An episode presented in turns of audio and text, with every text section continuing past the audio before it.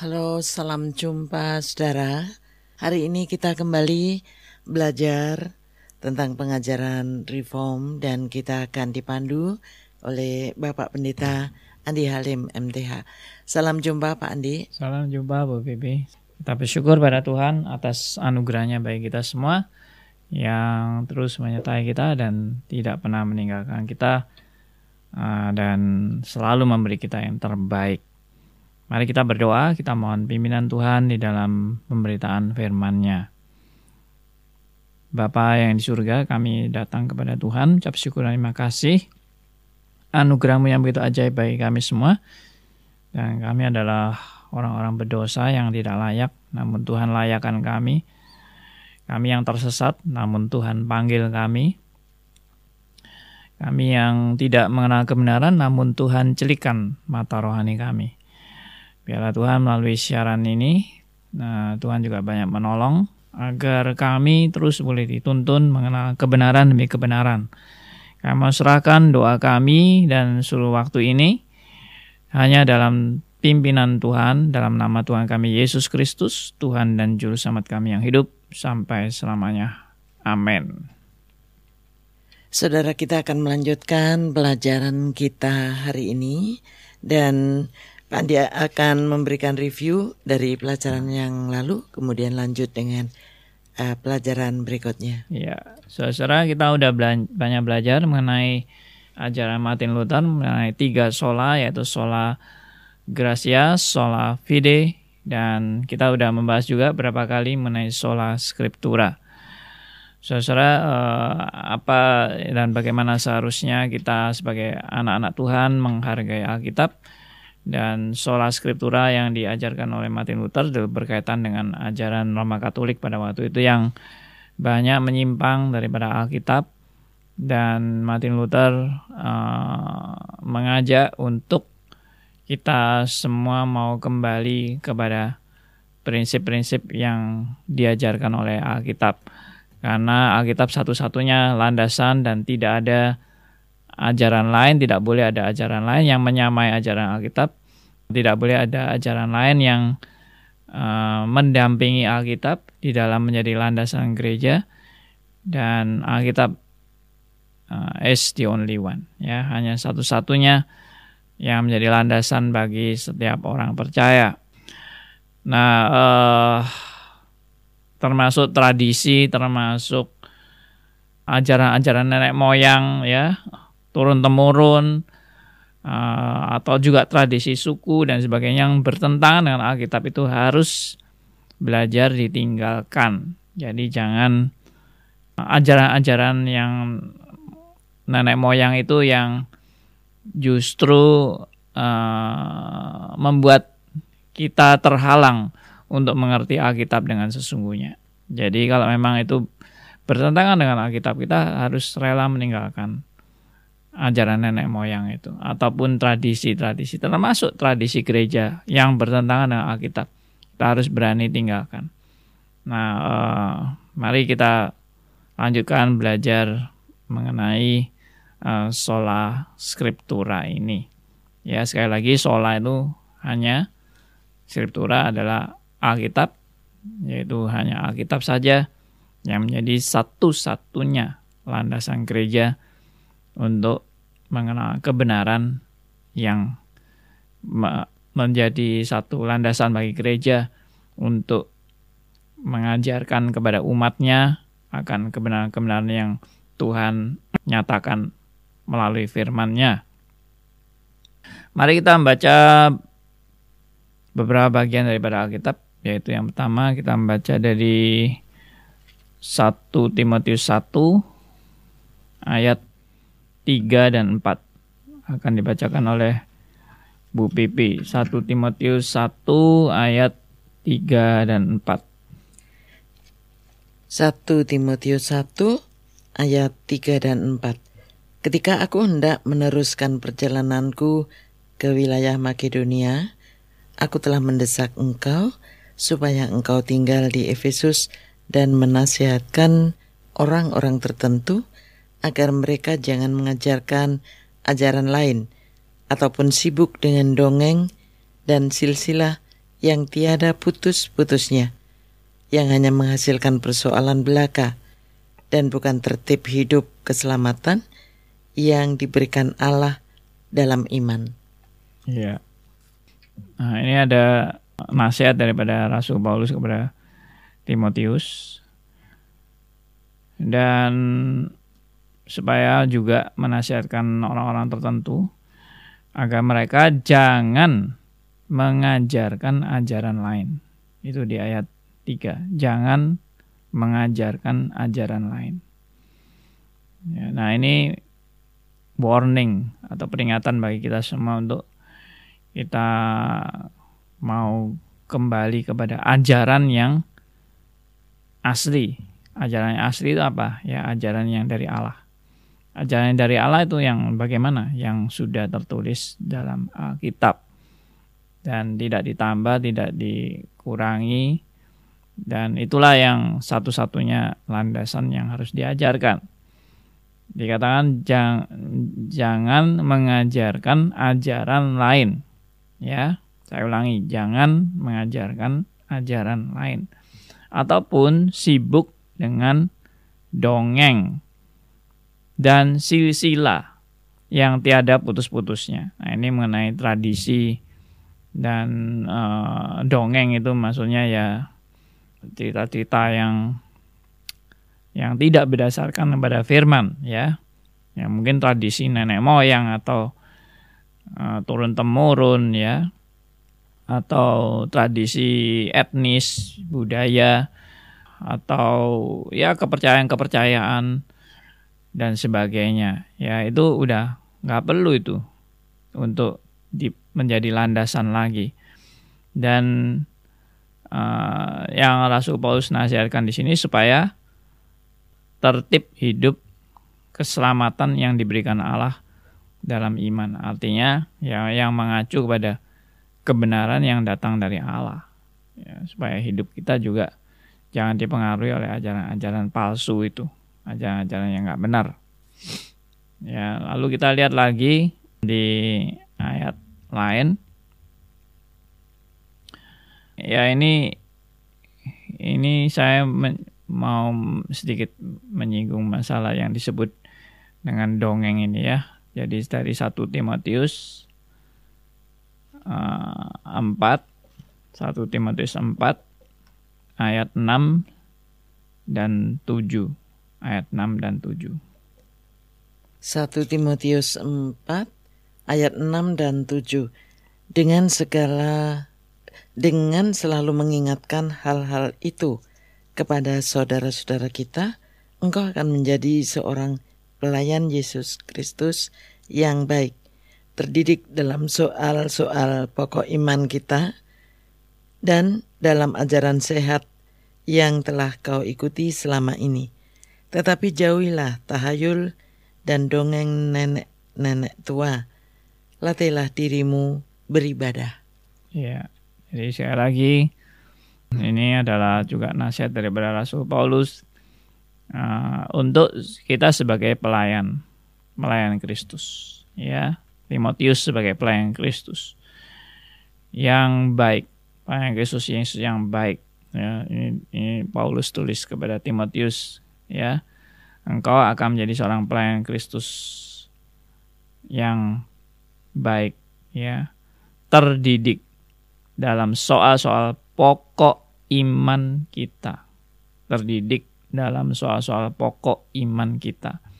Dan dalam ajaran sehat yang telah kau ikuti selama ini. Nah, jadi ini juga satu warning bagi Timotius supaya tidak terpengaruh oleh ajaran-ajaran yang simpang siur yang gak karu-karuan, yang kacau balau, dan yang tidak sehat, ya ajaran-ajaran yang tidak sehat dan tidak menyimpang ke kanan atau ke kiri. Ya, dan ayat 7 ditegaskan jauhilah tahayul. Ya, tahayul itu ya cita-cita yang nggak benar dan dongeng nenek-nenek tua. Latilah dirimu beribadah Nah, di sini jadi kita bisa melihat ya bahwa ajaran itu penting sekali, Saudara. ajaran itu penting sekali dan dari mana kita tahu ajaran ini benar atau nggak benar? Kalau kita nggak pernah belajar baik-baik. Dan belajar itu juga kalau belajarnya salah, maka apa yang kita mengerti juga salah juga. Jadi orang belajar juga harus hati-hati karena ada belajar makin belajar makin salah. Karena yang dipelajari bukan hal yang benar, yang dipelajari hal yang salah. Maka dia tambah belajar, tambah terpengaruh kesalahan-kesalahan daripada ajaran itu. Ya, karena dia nggak punya wawasan. Kecuali dia orang yang udah baca mungkin perbandingan-perbandingan ini itu ini itu. Lalu dia punya kepekaan dia bisa membedakan mana yang benar mana yang salah. Itu dalam anugerah Tuhan dan tercelik mata rohaninya dia mengerti itu kebenaran daripada ajaran yang benar-benar benar dan kepalsuan dari ajaran-ajaran yang tidak bisa dipertanggungjawabkan. Ya. Nah, jadi ini adalah satu warning, satu warning ya dari uh, Rasul Paulus kepada Timotius tentang ajaran-ajaran yang udah banyak menyimpang. Saudara bayangkan di zaman Rasul Paulus sudah begitu banyak ajaran menyimpang. Padahal Tuhan Yesus masih baru-barunya datang ke dunia. Ya, mungkin nggak sampai beda 60 tahun mungkin ya. Kristus baru datang dan baru naik ke surga. Tapi udah muncul ajaran-ajaran yang kacau balau itu. Nah, apalagi zaman kita sekarang yang udah ribuan tahun. Penyimpangannya udah wah udah nggak bisa dipikir lagi deh. Udah terlalu jauh, terlalu jauh dan orang merasa oh nggak apa-apa, nggak apa-apa. Yang percaya, yang penting percaya kepada Kristus. Tapi percaya kepada Kristus itu juga perlu dipertanyakan Kristus yang mana yang kamu percaya? Kristus yang bagaimana yang kamu percaya? Apakah itu betul-betul Kristus yang menurut Alkitab? Atau Kristus yang di luar Alkitab? Atau Kristus karangan kamu sendiri, imajinasi kamu sendiri, keyakinan kamu sendiri, atau tradisi-tradisi aja Kristus yang kamu yakini itu hanya hasil tradisi-tradisi, tapi bukan karena Anda belajar baik-baik firman Tuhan. Nah, mari kita uh, belajar di sini ya untuk hati-hati terhadap ajaran-ajaran yang simpang siur yang kacau balau ini ya. Nah, berikutnya mari kita membaca juga dari 2 Timotius pasal 4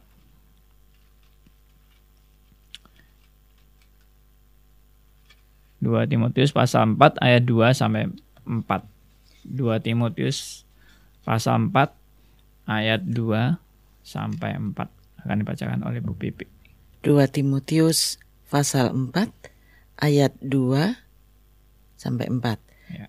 Beritakanlah firman, siap sedialah baik atau tidak baik waktunya, nyatakanlah apa yang salah, tegurlah dan nasihatilah dengan segala kesabaran dan pengajaran. Karena akan datang waktunya, orang tidak dapat lagi menerima ajaran sehat, tetapi mereka akan mengumpulkan guru-guru menurut kehendaknya untuk memuaskan keinginan telinganya. Mereka akan memalingkan telinganya dari kebenaran dan membukakannya bagi dongeng. Ya. Nah, jadi ini udah lebih jelas lagi, ya. Siap sedialah baik atau tidak baik waktunya. Beritakanlah firman, nyatakanlah apa yang salah, tegurlah dan nasihatilah dengan segala kesabaran dan pengajaran. Jadi udah begitu banyak penyimpangan, ya kita harus siap memberitakan firman, ya dan menyatakan yang salah, menegur yang nggak benar, menasehati ya bukan dengan kesombongan tapi dengan kesabaran dan uh, pengajaran ya. Jadi uh, Rasul Paulus juga sangat mementingkan yang namanya pengajaran. Dan pengajaran itu harus back to the Bible kembali kepada Alkitab.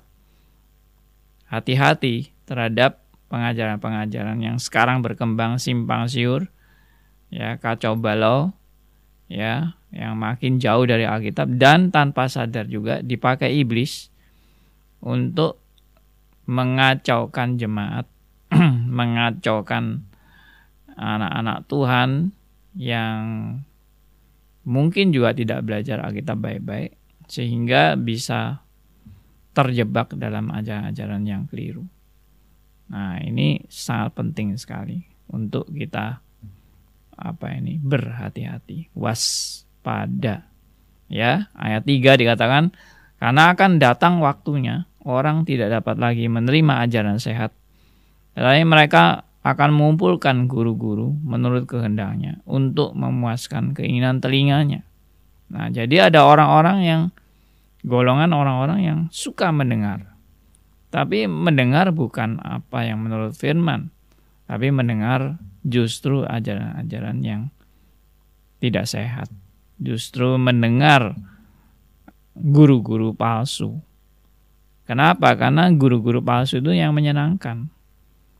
Ya, telinganya itu enak gitu, mendengar hal-hal palsu yang cuma tujuannya menghibur, menyenangkan, memuaskan, ya, sehingga orang yang mendengar bisa enjoy, enjoy, ya. Uh, merasa happy karena dihargai ya di dimuliakan ya. Ya ditinggi tinggikan gitu. Ya senang dong kalau seperti itu. Dan itulah muncul pada waktu zaman Rasul Paulus.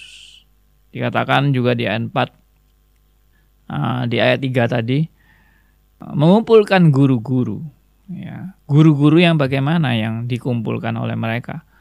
Mengumpulkan guru-guru yang dikatakan menurut kehendaknya untuk memuaskan keinginan telinganya ya. Jadi mereka mau dengar tapi dengar orang-orang yang memuaskan telinga mereka bukan dengar ajaran yang asli ajaran yang sejati kalau ajaran sejati mungkin kupingnya bisa merah semua. Bisa panas dingin mendengar berita kebenaran yang menegur mungkin, mengoreksi, ya, mengingatkan, waduh, bisa tersinggung, bisa marah. Tapi kalau guru-guru yang palsu itu memang selalu menyenangkan kita. Ya, dan itu yang sering kali terjadi pada zaman ini. Orang sudah tidak back to the Bible, tapi ya kembali kepada ajaran-ajaran palsu justru. Ajaran-ajaran yang hanya menyenangkan manusia. Gak suka ajaran-ajaran keras. Nah itu sangat memprihatinkan dan sangat menyedihkan. Kalau orang Kristen sudah seperti itu. Lalu dikatakan di ayat 4 mereka akan memalingkan telinganya dari kebenaran. Nah, jadi sengaja jelas tidak mau kebenaran dan membukanya bagi dongeng, ajaran-ajaran yang sesat. Justru mereka welcome dengan ajaran sesat, sangat menyenangkan dan sangat enjoy dengan ajaran-ajaran sesat. Nah, itu itu udah terjadi di zaman Rasul Paulus dan saya percaya hari ini pun juga terjadi pada zaman kita. Dan kita kalau nggak hati-hati kita juga akan terjebak dalam kesesatan dan pemikiran-pemikiran yang keliru tentang firman, tapi kita nggak sadar bahwa itu keliru. Dan kalau kita diingatkan yang benar malah kita marah, malah kita nggak mau. Nah itu sangat-sangat kasihan sekali, ya. Dan kita perlu untuk mendoakan orang-orang seperti itu. Kita perlu untuk mendekati mereka dan mengingatkan mereka untuk mau kembali kepada kebenaran. Kalau mereka menolak, ya berarti mungkin belum waktunya mungkin juga mereka memang nggak mau tahu kebenaran sama sekali dalam hidupnya. Ya, kita nggak tahu. Tapi yang penting kita harus jadi saksi bagi orang-orang yang berjalan di jalan yang keliru itu. Ya, jadi sekali lagi sola scriptura bukan sesederhana kembali kepada Alkitab, tapi kembali kepada ajaran yang benar. Kembali kepada prinsip-prinsip kebenaran yang diajarkan oleh Alkitab. Ya, kembali kepada ajaran-ajaran yang diajarkan oleh Allah sendiri di dalam Alkitab, diajarkan oleh Tuhan Yesus sendiri di dalam Alkitab, diajarkan oleh Roh Kudus sendiri di dalam Alkitab. Semua Alkitab. Makanya sola scriptura. Ya, Tuhan tidak pakai apa ini buku-buku lain untuk menjadi dasar gereja. Tuhan menegaskan uh, dasar gereja hanyalah Alkitab saja. Nah, kiranya ini menjadi berkat dan memperlengkapi kita semua sebagai anak-anak Tuhan dan berhati-hati dalam menjalani hidup. Tuhan memberkati. Saudara kita sudah ditambahkan lagi wawasan kita kan pemahaman reform ya. Sola Scriptura yang ketiga kali ini uh, kembali kepada ajaran-ajaran yang diajarkan oleh Tuhan sendiri gitu ya. Hmm, Pak Andi, tadi Pak Andi mengatakan ajaran nenek moyang harus ditinggalkan. Uh, padahal sampai dengan saat ini kan, uh, apalagi bagi kita orang Timur, ajaran-ajaran nenek moyang, peninggalan tradisi-tradisi itu masih tetap. Misalnya saja di dalam uh, upacara pernikahan tuh Pak Andi, hmm. masih ada sesaji. Uh, ini pernah ada keluarga yang mempertentangkan hal ini. Yang satu sudah reform banget gitu ya. Yang satunya masih mengacu pada tradisi. Masih ada arang, disiapkan arang yang nanti akan dibakar dan seperti itu. Hmm. Nah, katanya harus tetap menghar menghargai uh, ajaran nenek moyang. Toh ini hanya upacara. Hmm. Bagaimana kalau begitu, Pak Andi? Iya. Menghargai uh, menghargai orang tua, menghargai tradisi keluarga itu itu hal yang tidak salah kalau ada kalaunya. Kalau itu tidak bertentangan dengan Alkitab. Ya.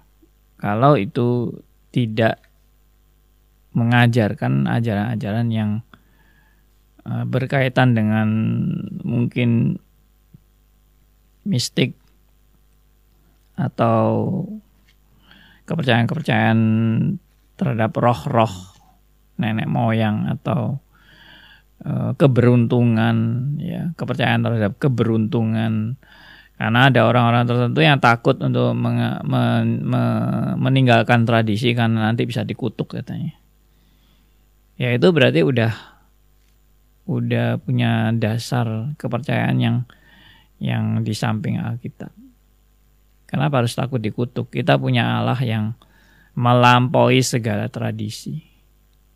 Ya. Kita punya Allah yang kuasanya melampaui segala kuasa. Kuasa iblis pun ada dalam kendali Allah. Kenapa kita takut? Nah, itu kita harus berani. Kalau memang itu bertentangan dengan kita misalnya, ah ini kalau kita nggak nggak mengikuti tradisi nanti kita nggak bisa kaya. Nah itu udah jarang nggak benar itu. Ya, kenapa takut? Kalau tidak mengikuti tradisi itu lalu kita akan terkutuk, kita akan tidak ada hoki lagi, udah uh, bisnis akan hancur dan sebagainya. Itu itu adalah ancaman-ancaman orang untuk ya supaya kamu tetap percaya dan memegang teguh tradisi. Kalau enggak kamu akan bangkrut. Nah, itu orang udah ketakutan diancam bangkrut, diancam malapetaka, diancam kena musibah kalau meninggalkan tradisi, kamu akan rugi, kamu akan warga kamu akan berantakan. Ya sebetulnya yang ngomong kalau langsung aja itu sebetulnya bullshit semua. Ya itu semua ngomong kosong. Itu semua hanya dipakai setan untuk mengelabui kita sebagai orang percaya untuk tidak meninggalkan tradisi. Ya. Memang tadi saya bilang udah, tradisi nggak semuanya jelek. Tapi kalau tradisi itu mengajarkan yang menyimpang dari Alkitab, kita harus berani tinggalkan. Kalau toh ada risiko-risiko, kita siap menanggung risiko. Karena Allah kita lebih besar dari semua yang tantangan yang akan kita hadapi. Ya, yuk kalau kita percaya Allah menyertai kita, kenapa kita harus takut meninggalkan hal, -hal seperti itu? Jalan, tetap jalan. Ya buktinya banyak orang yang sudah meninggalkan tradisi dan tetap hidup. Tapi semua orang hidup memang akan mati.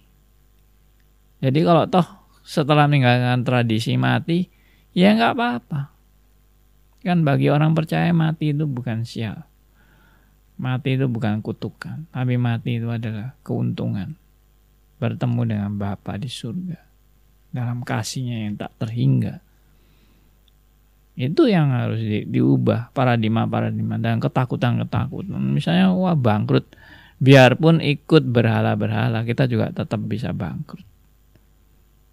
Ya, biarpun orang wah pergi kaul katanya harus ke kuburan, atau ke mana tempat ibadah-ibadah menyembah berhala tetap aja bisa bangkrut tetap aja bisa mati tetap aja bisa kena musibah itu bohongan dari setan tapi ikut Tuhan itu nggak dijamin Anda tidak akan dapat malapetaka. Ikut Tuhan tidak dijamin Anda tidak kena penyakit. Ikut Tuhan tidak dijamin Anda pasti nggak mati. Ikut Tuhan bisa mati, ikut Tuhan bisa kena musibah, ikut Tuhan bisa kena penyakit, ikut Tuhan bisa kena celaka.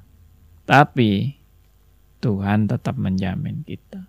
Tuhan tetap memelihara kita. Tuhan menyediakan kita yang terindah dan yang terbaik. Jadi jangan takut meninggalkan tradisi. Banyak itu saya saya tahu tuh eh, orang-orang suku-suku tertentu yang sangat sulit meninggalkan tradisi. Dan takut gitu. Kebanyakan takut. Takut juga dikucilkan oleh keluarga.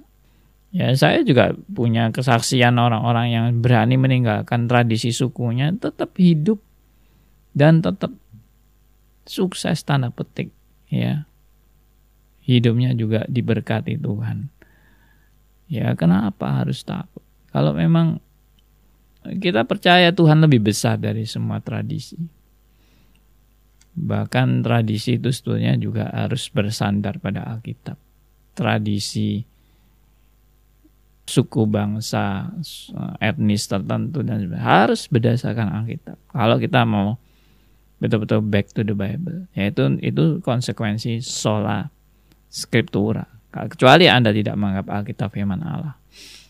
Ya udah jangan jadi Kristen gitu. Anda pakai buku lain aja untuk menjadi landasan hidup Anda. Tapi kalau Anda ngaku Kristen, sola scriptura, nggak ada jalan lain. Ya, sama seperti Anda mau jadi orang Indonesia, harus Pancasila, nggak ada yang lain. Pancasila, Undang-Undang Dasar 45, udah. Jangan pakai undang-undang mana, negara mana yang di luar Indonesia. Nggak perlu itu, buang semua. Yang ada hanya Pancasila dan Undang-Undang Dasar 45. Demikian juga Anda Kristen. Apa yang dipakai? Alkitab. Saya Alkitab buang semua. Artinya bukan kita tidak perlu belajar ilmu-ilmu lain. Oh, jangan jangan sampai jadi fanatik begitu ya. Terus ah, bukunya cuma Alkitab tok, semua buku lain tidak mau baca. Ya kalau buku lain itu betul-betul menyaksikan kebenaran Alkitab ya kita baca buku lain sebagai suatu kesaksian, sebagai suatu perlengkapan. Tapi buku itu mengacu kepada Alkitab, bukan buku itu membawa kita keluar dari Alkitab. Justru buku itu membuat kita kembali kepada Alkitab. Seharusnya itu buku Kristen itu begitu. Jadi bukan buku yang membuat kita nggak percaya Alkitab atau meninggalkan Alkitab. Itu buku kacau. Itu buku menyesatkan. Ya seperti itu. Ya, jadi tradisi itu boleh ada yang tetap diikuti, uh, tapi kita harus pandai memisahkan ini uh, tahayul atau enggak ya gitu hmm. ya Pak Andi ya. Kalau Iya. misalnya sudah ada tendensi bakar-bakar atau mm, itu cenderung ke penyembahan ke roh lain ya Pak Andi ya. Ya, ya. Kita kalau belajar Alkitab ya, kita kalau makin belajar Alkitab, kita itu makin tahu kok ini yang benar, ini yang salah. Mhm. Kalau saudara tidak belajar Alkitab, saudara tetap nggak tahu mana yang benar, mana yang salah. Saudara kan bingung dan saudara, saudara mungkin juga sungkan meninggalkan tradisi itu karena, oh ini saudara-saudara kita yang lain juga mengikuti, masa kita nggak mengikuti. Oh ini saudara-saudaraku juga menghormati nenek moyang, masa kita tidak menghormati nenek moyang? Nah itu sudah eh, ikut arus gitu aja tanpa mengerti kebenaran atau enggak kebenaran. Makanya kembali lagi belajar, belajar, belajar, belajar. Jadi orang Kristen harus belajar dan kita bisa belajar di STRIS, belajar di Sekolah Teologi Reform Injili yang baik di Surabaya, di kota-kota lain juga banyak ya. Eh, untuk diperlengkapi. Kalau nggak pernah belajar gimana? Kita nanti keliru terus. Kalau saudara hanya mau mengerti kebenaran menurut Anda, menurut Anda, menurut pikiran Anda. Ya menurut Anda itu belum tentu benar. Menurut pikiran Anda belum tentu benar. Menurut tradisi keluarga Anda itu juga belum tentu benar. Kita harus kembali kepada apa yang Alkitab mau katakan bagi kita semua. Nah itu, itu yang harus kita pelajari baik-baik. Ya oke. Kita mungkin punya pertanyaan yang sama dan sudah terjawabkan hari ini oleh penjelasan Pak Andi. Pak Andi akan memberikan kesimpulan dari perbincangan kita hari ini. Ya, jadi kembali lagi iblis itu begitu pandainya, saudara ya. Iblis itu memang ingin menjebak saudara dan saya untuk percaya kepada hal-hal yang yang sebetulnya nggak ada itu, tapi kita terbawa untuk percaya hal-hal seperti itu. Ya, misalnya orang menikah harus menginjak telur, misalnya begitu. Saya nggak tahu apa artinya menginjak telur dan sebagainya. Lalu berjalan mundur dan sebagainya. Itu semua bagi saya ngomong kosong semua itu. Ya. Dan itu itu pasti ada kepercayaan-kepercayaan. Di balik harus menginjak telur atau apa segala macam itu. Itu pasti ada kepercayaan-kepercayaan tertentu yang men, melatar belakangi tindakan-tindakan itu. Kita nggak usah pakai gitu-gitu. Buat apa? Ah, Lalu ada orang bilang ya nggak apa-apa toh. Kan kita memang menghargai. Ya kamu menghargai tapi kamu nggak ngerti juga artinya kamu menghargai tapi kamu juga nggak tahu kalau itu terpengaruh oleh ajaran-ajaran yang keliru yang bertentangan dengan Alkitab. Ya harus tegas.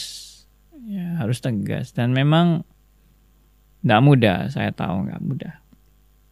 Apalagi kalau itu tradisi keluarga yang begitu kuat dan sudah turun temurun yang kita mungkin juga anak yang paling tua yang harus uh, menunjukkan contoh menghormati orang tua dan nenek moyang dan sebagainya. Saya tahu itu sulit tapi ya jangan nggak berjuang dong. Kita harus berjuang kita harus meyakinkan orang lain tentang kebenaran yang hakiki itu. Kita juga harus yakinkan bahwa itu kebenaran-kebenaran yang nggak benar. Ya, kita harus meyakinkan kepada orang lain bahwa itu itu ajaran dari mana itu ajaran tuh.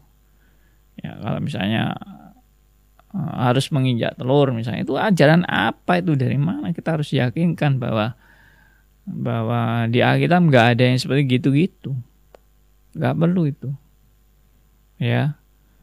Apalagi membawa kita kepada hal yang makin jauh dari Alkitab. Wah, itu lebih mengerikan. Tanpa sadar kita melakukan hal, -hal seperti itu juga kita udah terbawa oleh arus yang menjauhkan kita dari Alkitab dan membuat kita juga akhirnya mengabaikan Alkitab dan meremehkan Alkitab. Ah, tidak penting lah Alkitab itu. Yang penting kan kita itu tetap percaya sama Yesus. Nah, itu Gimana percaya sama Yesus tapi tidak mementingkan Alkitab? Padahal Tuhan Yesus sendiri sangat menghargai kitab suci. Itu kita itu kita udah belajar. bagaimana Tuhan Yesus menghargai kitab suci dan bagaimana orang Kristen juga harus menghargai kitab suci. Jadi ya harus sinkron kita, sinkron dengan ajaran Tuhan Yesus. Ya kiranya ini semua boleh memperlengkapi kita dan uh, belajar itu tidak pernah selesai. Ya, kiranya ini boleh jadi berkat dan mari kita berdoa. Bapa yang di surga, kami bersyukur, terima kasih anugerahmu yang ajaib bagi kami. Kami bersyukur karena kami mempunyai satu buku pedoman dan buku penuntun dan buku yang berotoritas dalam kehidupan kami yaitu Alkitab. Kami bersyukur karena kami punya patokan atau standar yang begitu sempurna. Kiranya Tuhan boleh menggerakkan banyak orang untuk belajar Alkitab, mengerti Alkitab, menghargai Alkitab dan ini adalah sumber kehidupan. Saya serahkan doa kami dan saya serahkan seluruh pendengar radio di mana pun berada supaya terus bertumbuh dalam kebenaran dan juga menjadi saksi di mana pun kami berada. Kami juga boleh mengingatkan orang-orang lain untuk kembali kepada firman Tuhan. Terima kasih kami serahkan doa kami, kami serahkan hidup kami. Dalam nama Tuhan kami Yesus Kristus, Tuhan dan Juru Selamat kami yang hidup sampai selamanya. Amin. Terima kasih Pak Andi. Terima kasih Bu Pipi. Terima kasih saudara yang sudah belajar bersama kami dan kiranya apa yang sudah kita pelajari menjadi berkat bagi kita. Sampai jumpa.